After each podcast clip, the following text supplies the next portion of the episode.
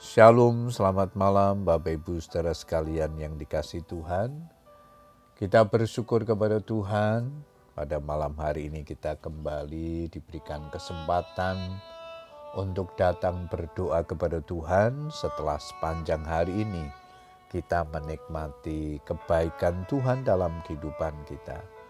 Malam hari ini sebelum kita berdoa kita akan merenungkan firman Tuhan yang diberikan tema orang Farisi dan pemungut cukai.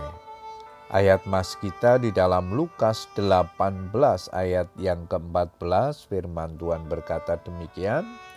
Sebab barang siapa meninggikan diri, ia akan direndahkan.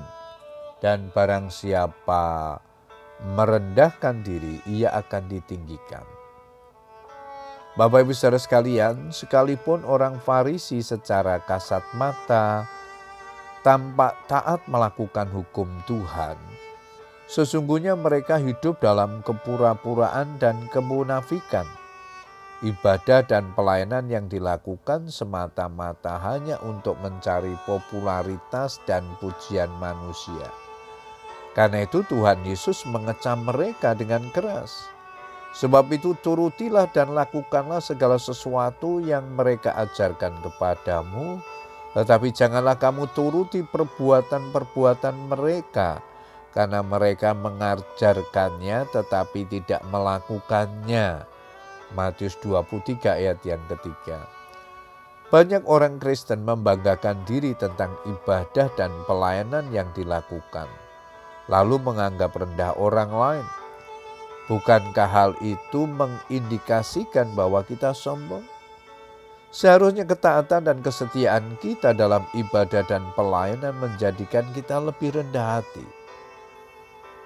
Lukas 17 ayat yang ke-10 mengingatkan, demikian jugalah kamu apabila kamu telah melakukan segala sesuatu yang ditugaskan kepadamu, hendaklah kamu berkata, kami adalah hamba-hamba yang tidak berguna kami hanya melakukan apa yang kami harus lakukan. Pemungut cukai adalah tukang pajak. Bertugas menagih pajak dari rakyat untuk pemerintah Romawi. Dikenal sebagai tukang peras dan suka menyelewengkan keuangan yang di kalangan masyarakat Yahudi disamakan dengan orang najis dan pendosa. Menurut mata manusia, mereka adalah orang yang tidak layak di hadapan Tuhan. Karena itu ia berdiri jauh-jauh, bahkan ia tidak berani menengadah ke langit. Lukas 18 ayat ke-13. Apakah yang menyebabkan pemungut cukai ini pulang dengan mendapatkan pembenaran dari Tuhan? Tuhan membenci perbuatan dosa, tetapi ia mengasihi orang berdosa. Terlebih-lebih mereka yang mau bertobat dan meninggalkan dosa-dosanya. Pemungut cukai ini datang merendahkan diri di hadapan Tuhan karena sadar ia pendosa.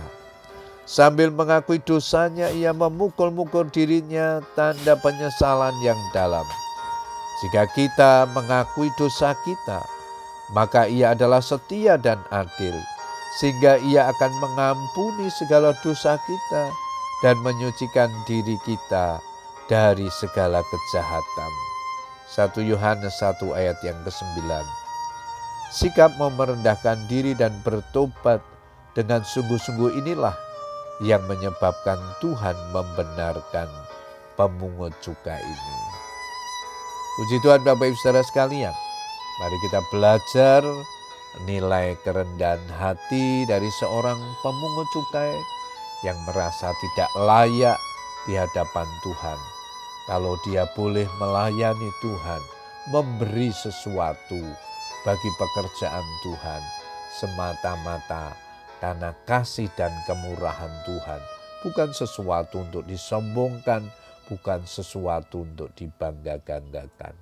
Puji Tuhan Bapak Ibu Saudara sekalian, Biarlah kebenaran firman Tuhan ini menjadi berkat dalam hidup kita. Selamat berdoa dengan keluarga kita. Tuhan Yesus memberkati. Amin.